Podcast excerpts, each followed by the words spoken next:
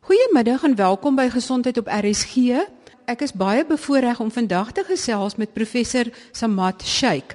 Hy is hoof van pediatriese chirurgie by die Universiteit van Stellenbosch Mediese Skool. Hy was ook die eerste chirurg in Suid-Afrika wat 'n operasie gedoen het om 'n defek by 'n babatjie te herstel terwyl die baba nog in die maag se baarmoeder is. Professor Sheikh gaan in Engels antwoord. Professor, waar kom jou belangstelling in hierdie veld vandaan? En kan jy ook vir ons vertel hoe dit gebeur het dat jy die eerste fetale chirurgiese prosedure in Suid-Afrika gedoen het? Baie dankie.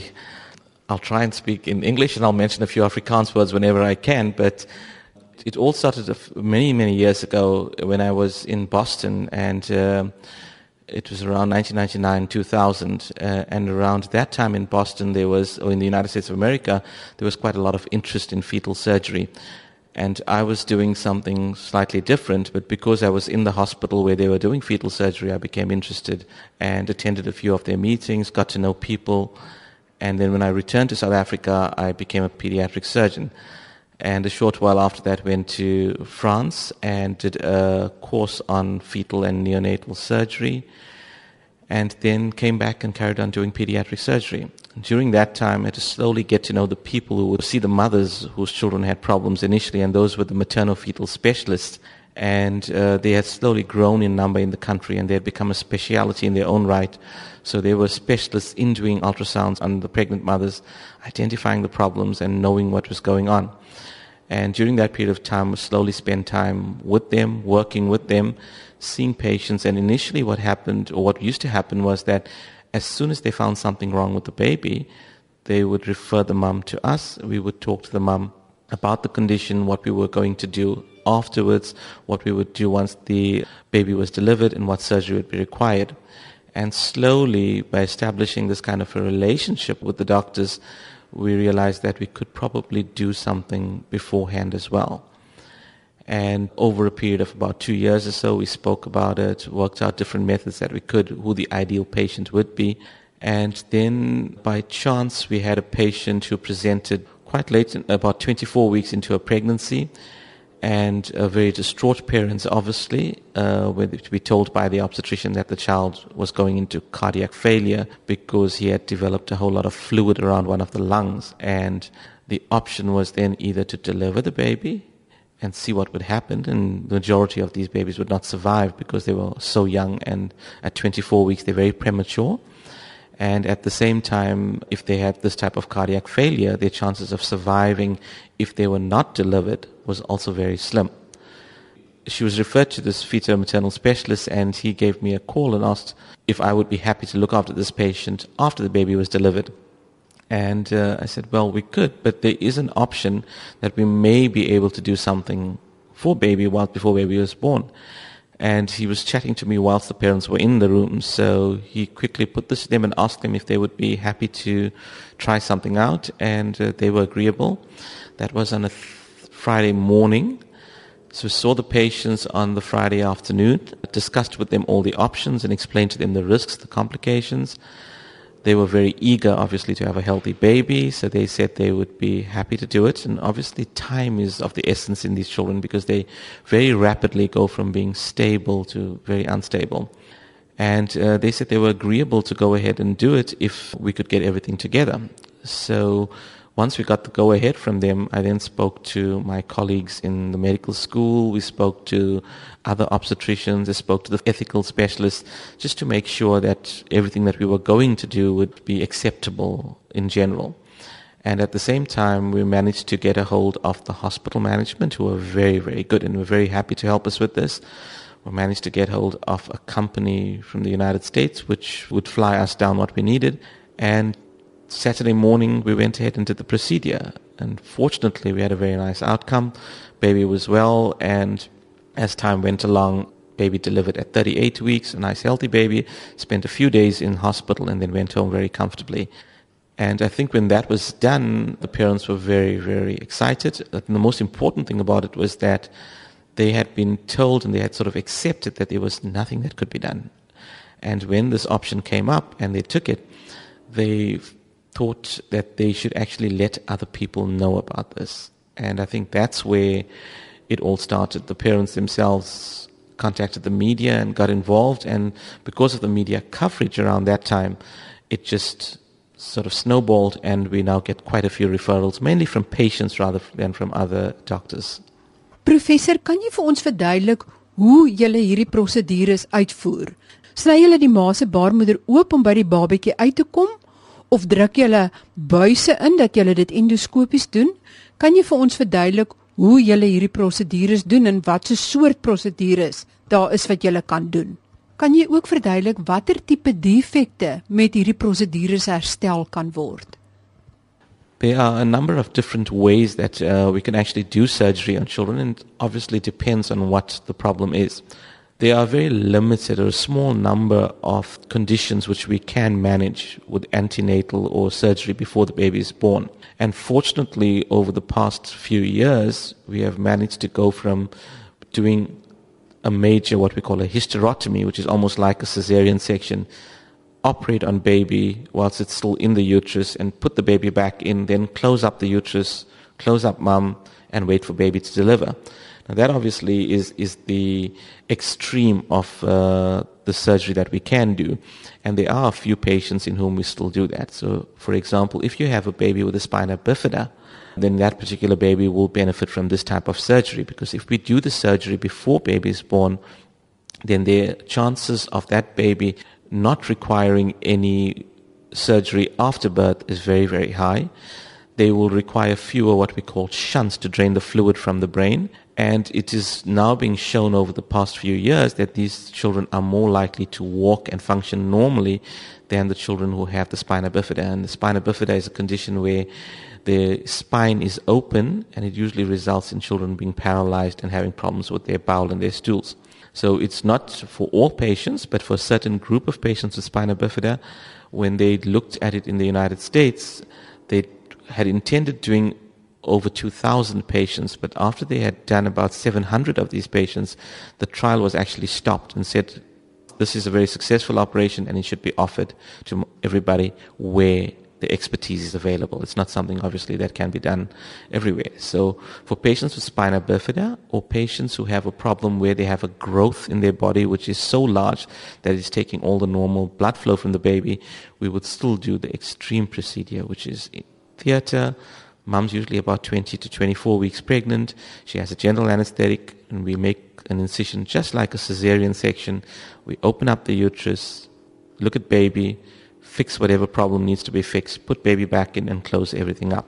But fortunately, the majority of conditions that we actually see can be done in a lot less invasive way and causes less harm to mom. And our biggest danger is always that mom will go into premature labor. And if she goes into premature labor, the baby delivers early and then it's associated with all sorts of problems.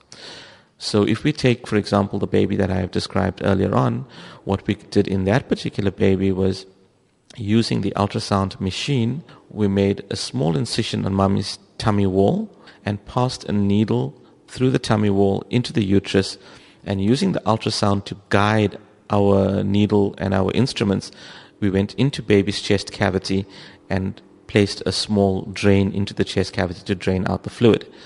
We're talking about a baby who's slightly bigger than a Barbie doll sort of size here and uh, the instruments or the actual shunt or the tube that we leave behind is about 1.9 millimeters in diameter. So they're fairly small instruments. But the advantage of that is it's a small cut, it's minimal pain for the mum, it's minimal irritation to the uterus, and we even give the baby some anesthetic, local anesthetic, so baby doesn't feel any pain, and it can be done purely with ultrasound guidance. So there are quite a few procedures that we can do. We can drain fluid from the lungs, we can drain fluid from the bladder, and in some conditions, some sort of heart conditions, we can even give medication or pass things into the heart if necessary.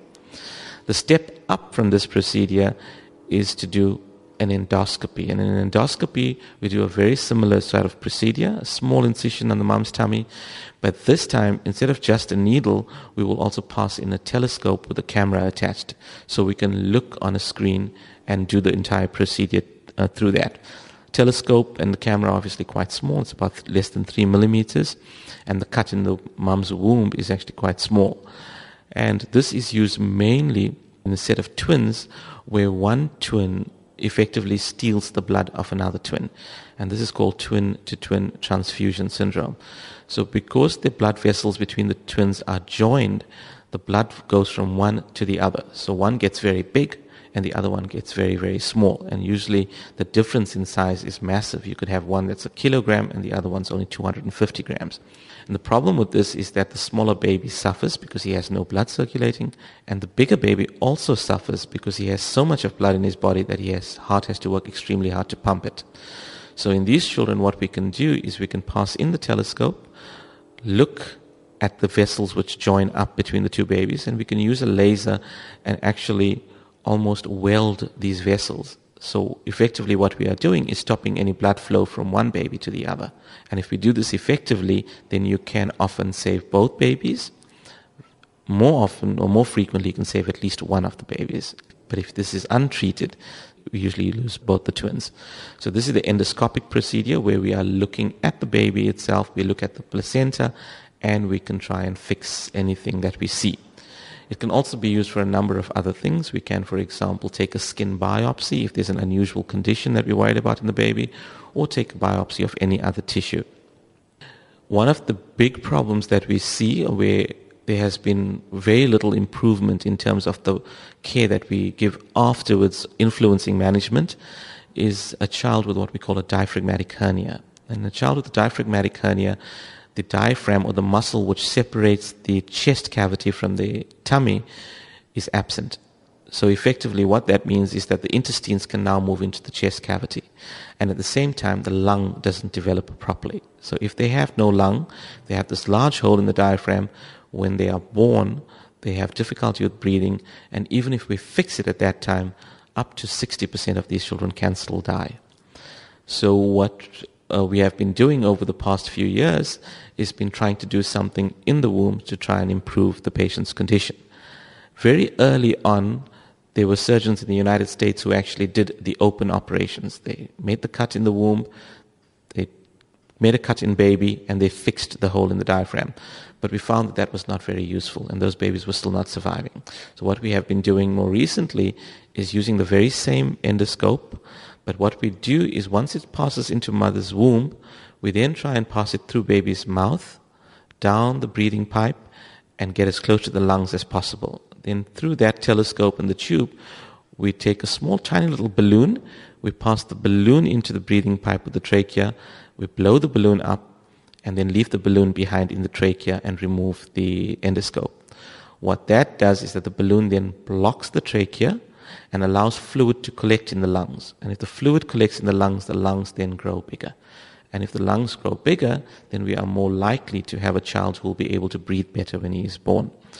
It obviously works in only a certain group of children, and uh, there's very specific children that uh, we can use it on, but it is one of the areas that has developed fairly rapidly and has improved results somewhat uh, in terms of the outcome. There are a number of other conditions that we can treat, but once again, the three type of operations that we usually do are the major open operation, which has very limited conditions that we will treat that way. The ultrasound guided one, which there are numerous uh, interventions that we can do. The maternal specialist, the maternal fetal specialist use it to do a lot of diagnostic tests as well. And then we have the endoscopic procedures where through a small incision we can pass in an endoscope have a look and try and fix uh, whatever is injured. Professor, as mens aan die uterus van 'n swanger vrou raak, is daar nie 'n groot kans dat dit gaan begin saamtrek nie en dat die vrou dan in kraam gaan nie. Hoe keer julle dat dit gebeur? That is probably the biggest problem in doing fetal surgery and uh, that is the uterus gets irritable and they basically deliver very soon afterwards. I mean both of the things that you have mentioned is strangely, uh, last night I was talking to a group of pediatricians in Cape Town, and the pediatrician introduced me uh, said exactly the same thing. When he first heard about this many, many years ago, he thought it was science fiction. And he said the weak point has always been the uterus being irritable and what has changed so far. So that's it's a coincidence that you've mentioned that. But effectively, the two things which will influence the premature labor is how much we actually irritate the uterus.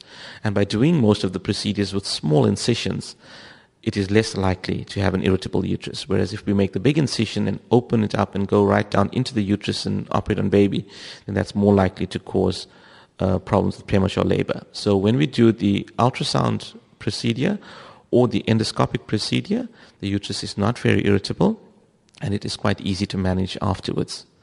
When we do the major procedure, it's a lot more difficult. But what has happened over the past few years is that new drugs have been developed which can manage the preterm labor.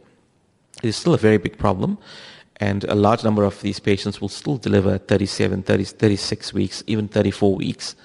But you can delay labor by giving them medication. And the newer medications are quite good at actually suppressing the labor in the majority of patients. Is dit nie absoluut ongelooflik nie? Dit wat ons nog enkele jare gelede gedink het is wetenskap fiksie, is nou ook hier in Suid-Afrika beskikbaar en professor Sheikh is die man wat hierdie hele insentief lei. Om te dink dat mens 'n snit kan maak deur 'n ma se baarmoeder en op 'n babatjie sê maar 20, 24 weke kan opereer om 'n oop rugmurgie toe te maak sodat daar nie 'n waterkoppie of drukking op die brein ontwikkel nie. En dit is op 'n babietjie wat so groot is soos 'n babiepop. En dan ook om te dink dat jy 'n baie dun buisie deur die ma se baarmoeder kan druk en nie net tot in die amnion vog nie, maar deur die baba se mondjie tot in sy keel sodat daar 'n ballonnetjie gelos kan word sodat sy longe kan ontwikkel. Dat vog om die longe ook afgetrek kan word sodat die longe kan ontwikkel en die babatjie nie in hartversaking ingaan nie. Dit is absoluut verstommende goed wat nou gebeur. Professor Sheikh, die meeste van die chirurgie wat jy gedoen het is in Durban of in Johannesburg gedoen. Was dit oor die afgelope 2 of 3 jaar en kan jy vir ons vertel waarom dan hoofsaaklik in Durban en enkeles ook in Johannesburg gedoen is? It will be 3 years in July. The first baby we did will be 3 years old in July. almost all my procedures were done in Durban for a number of reasons. One was because I used to work in Durban and the infrastructure, the fetal specialists, the obstetricians were people that I had known over a long period of time and we had developed a relationship with them. And also because the instrumentation that is required for this was available. The hospital group that I worked at uh, made these things available for us. So we had the infrastructure. And currently, the majority of the patients still will go to Durban and get done in Durban. Ultimately, we would like to be able to offer it elsewhere in the country, but it is best that you go to where the instruments, the theatre equipment, and everything else is available. And currently, that is mainly in Durban. There are other maternal-fetal specialists in Johannesburg and in Cape Town who have also started doing some of the procedures like the twin-to-twin transfusion syndrome. In 2013, we had a get together for our patients, and we had about seven of the patients who got together, and they ranged in age from a month old to up to at that time 18 months of age. And that was actually quite a lot of fun seeing these children running around looking perfectly normal. So effectively, it's about three years or so that we've been doing this uh, procedures.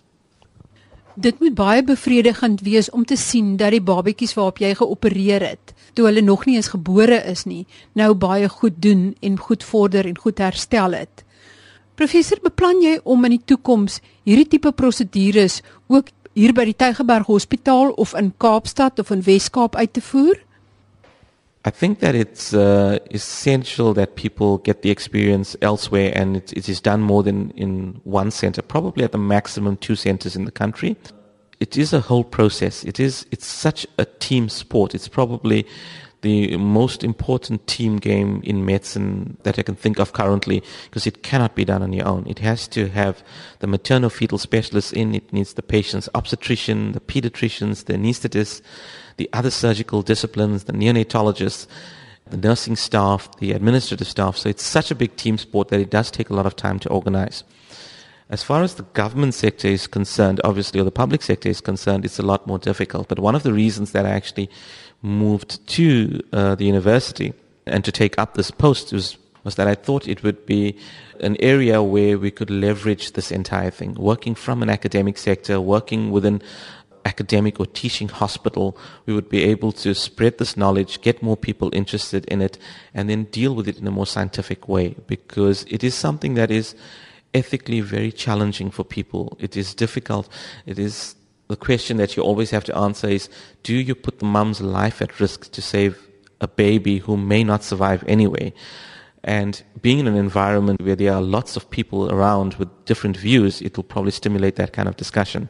So the intention is at some stage to try and develop this in a different center. And I have slowly been beginning to meet the maternal specialists in Cape Town and at Tygerberg and developing a relationship with them slowly. And obviously there is a trust to be built. There are patients who have to have the correct indications for the procedure and we have to build the infrastructure. So hopefully in time we will be able to do some of these procedures. Some of the less invasive procedures like the twin to twin transfusion syndrome, for example, the lasers are being done already in Cape Town and in Johannesburg. The other important aspect of this is that you need to have a certain level of experience with these procedures. So, for example, if you have a heart transplant surgeon, they have to do a certain number of heart transplants per year to keep themselves in it and be able to do it safely.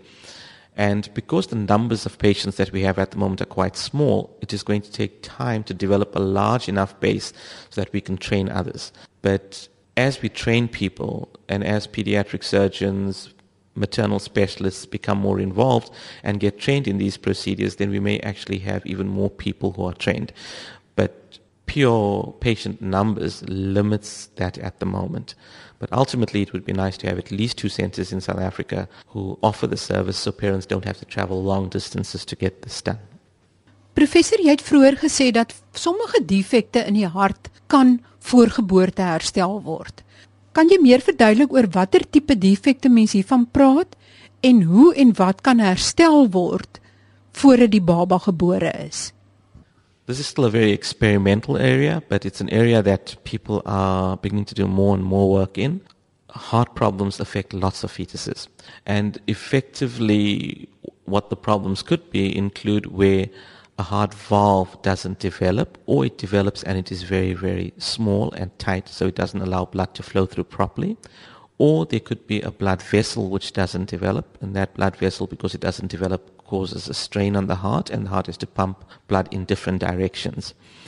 And what can be done in this particular group, for example, where the patient's heart valve is very tight and only has a small opening, what can be done in that patient is what is done in children who are born and also in adult patients who have a similar kind of problem. And what can be done is that a wire with a little balloon that is attached to it is passed into the heart through the tiny opening in the valve, and then the balloon is blown up and it opens up the valve, allowing blood now to flow through a larger area. After children are born, this is usually done through a blood vessel in the leg or in the uh, neck.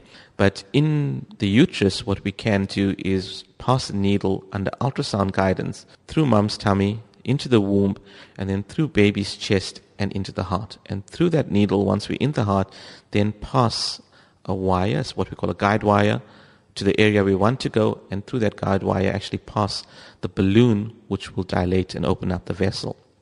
In some instances, we may even make a new hole in certain parts of the heart to allow the blood flow to bypass the obstruction. So those are also still very experimental, but it's something that we can do and it is in a small group of children may actually help in them requiring fewer operations after birth or in a very, very tiny proportion of patients may actually prevent them from needing any surgery. But in the majority of children, what this does is it will tide them over. So the period after they are born is not as critical and surgery can be performed at a later stage. As ons terugkom na die chirurgie wat gedoen word om spina bifida in die fetus te herstel, kan dit daartoe lei dat minder van die babatjies wat dan gebore word verlam is of een of ander probleem het? Kan jy verduidelik presies hoe dit die kans op normale lewe vir die baba verbeter? What they have shown with uh, spina bifida is that for the correct group of patients it can certainly have an improved outcome. there are two outcomes that we worry about in children with spina bifida. The one is the increased pressure in the brain, where there is swelling of the brain. And what then happens is that these children need to have a special drain put in from the brain to drain the fluid out. Otherwise, the head swells, the brain gets compressed, and has its consequences. And by doing the surgery before baby is born, there is a massive reduction in the number of children who will need the shunt. And when they first did the study in the United States, where they took all children with spina bifida, they only went to three centers in the United States. So every city in the United States only sent them to three centers in the country, and they would then get there and then they would choose. The patient could either have surgery before being born or the patient would be left to have surgery after birth. And it was a very good study because the entire country was involved in it at the same time and they all agreed to do it. And the main thing that they were looking at, the main outcome was to see how many children would not require these shunts. And three quarters of the way through the trial, they found that the children who had the surgery before being born needed fewer shunts than the ones who didn't have the surgery done before they were being born. And the FDA, which was monitoring all of this, called a stop to the trial because saying you have already proven now that doing the surgery beforehand is useful, so it is not ethical to carry on with it anymore. And there is adequate evidence. When that study was done, it started off about eight to ten years ago. They've now been following up those children, and they can basically regularly see those children. And the second set of problems, besides the swelling of the brain in children with spina bifida, is the paralysis, the paralysis of the lower limbs, as well as the bladder and the bowel. And as these children have been growing older, they've been able to assess that, especially the bowel and the bladder, because you can't really assess that before they're two or three years of age and have a real idea as to whether they're going to function or not. And what they have been showing is that in the group of children who had the surgery done before birth, there is also an improved function in terms of the bladder and the lower limbs. Uh, last year, at a meeting here in Cape Town, we had the lady who was one of the chief uh, investigators, uh, Professor Diana Farmer, who came in and actually spoke to us about the trial itself and other fetal surgery that is being done in the United States and what's going on. And she has said that in the group of patients that they have followed up so far, there were no deaths in the mothers at all. So there were no maternal deaths, which is, I think, a very, very important aspect because if you're operating on the baby, mom's under anesthetic for two to three hours, you really don't want to have any fatalities in that. And thus far, there hadn't been any deaths in the mothers themselves. And in terms of the outcome, there has been a rapid improvement, and they are finding that more and more of these children are improving. But once again, it is a group of conditions where you have to be very selective in which patients you choose. And a number of patients, well, not a very large number, but a fair number of patients would actually choose also to terminate the pregnancy because the quality of life or the perceived quality of life in the child may not be as they would expect. As die baba reeds vog om sy brein het en daar's reeds drukking op die brein weens hierdie vog, kan mens dan nog steeds iets aan hierdie probleem doen of is dit te laat? It would depend primarily on what the cause is. And people were putting in shunt many, many years ago. So over 10 years to 15 years ago, they were actually putting in a shunt for the extra fluid in the brain. But that sort of fell away many, many years ago, mainly because it didn't really make a difference to the outcome. In the child with the spina bifida who has a bit of fluid in the brain, the operation is to fix the spina bifida. But in the children who have water in the brain, or what we call hydrocephalus as a primary problem, putting in the shunt early in those children didn't really make a difference to their function and allowing them to be born and then doing the procedure at that time was as safe. Professor, as daar spesifieke prosedure is wat jy in die toekoms graag sal wil doen, wat is daardie prosedure en waarom sal jy spesifiek dit wil doen? The one condition that we are seeing an increasing number of is something called gastroschisis. And this is a condition where the baby has the entire intestines outside the tummy rather than inside the tummy. And this is a condition where once the baby is in utero still, the intestines are on the outside, the fluid around the baby, and babies also pass a little bit of stool.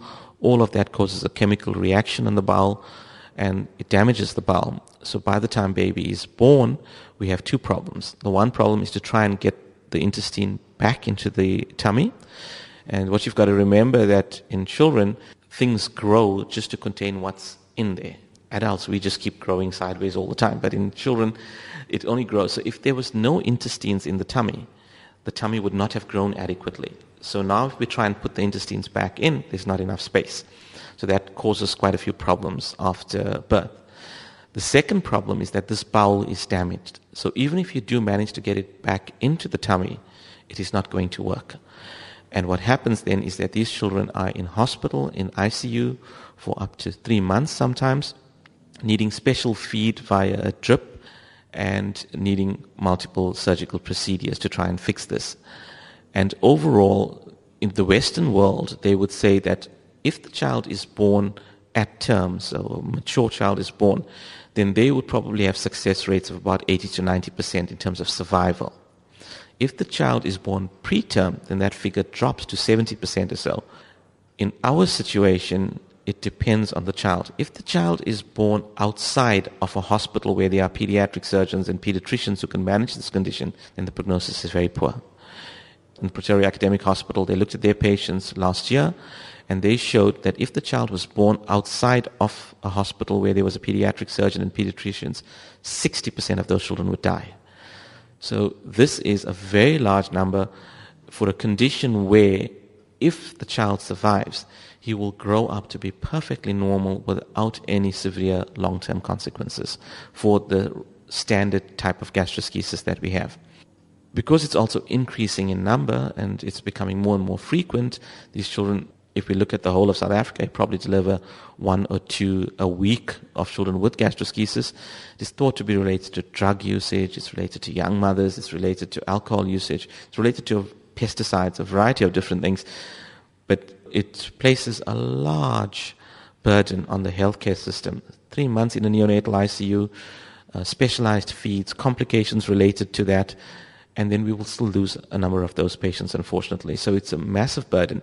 So if we can manage this condition before birth, it will be a major bonus to society. Saying that, it is something that lots of people are working at around the world because it's becoming more and more common lots of people are trying to find a way in terms of what can we do to stop this happening and prevent this from prevent the problems that we get. And one of the biggest problems is that because all the bowel is out near where the umbilical cord is attached, one thing we have learned from fetal surgery is that if you touch the umbilical cord, the baby's heart slows down dramatically and can't stop. So operating in that area is a major concern. But if we can do something before birth for these children, I think we will save a number of uh, other children because then it will just sort of snowball. We will not use the neonatal ICU beds, which means other children can use those beds. These babies will go home soon after being born. And if their gastroschisis is fixed, they live completely normal lives. They have no other problems. It's usually just an abnormality where the intestine is on the outside. Dis ongelooflik wat die fetale chirurge beplan om te doen. Professor Sheikh, is daar 'n laaste boodskap wat jy graag aan luisteraars wil oordra? I think the most important thing about fetal surgery is that people just need to be aware that there are interventions that can be done before babies are born. But the more important message is that there are only a certain group of babies who will benefit from this type of intervention. The awareness that there is something that can be done for a few of these children, I think in itself a great message to get across to people. Dit is aan die einde van van dese week se program. Gaan luister gerus weer na hierdie interessante program op Potgooi. Dit is op www.rsg.co.za. As jy enige navrae het, of vra oor hierdie program skryf aan gesond by rsg.co.za en ek sal so vinnig as moontlik na jou terugkom. Andersins as 'n streng mediese vraag is, sal ek dit aan professor Sheik voorlê om te beantwoord. Tot volgende week dan. En onthou, van volgende week af skuif ons na die 12:30 tyd geleef. 12:30 tot 12:00 vir gesondheid op RSG. Totsiens.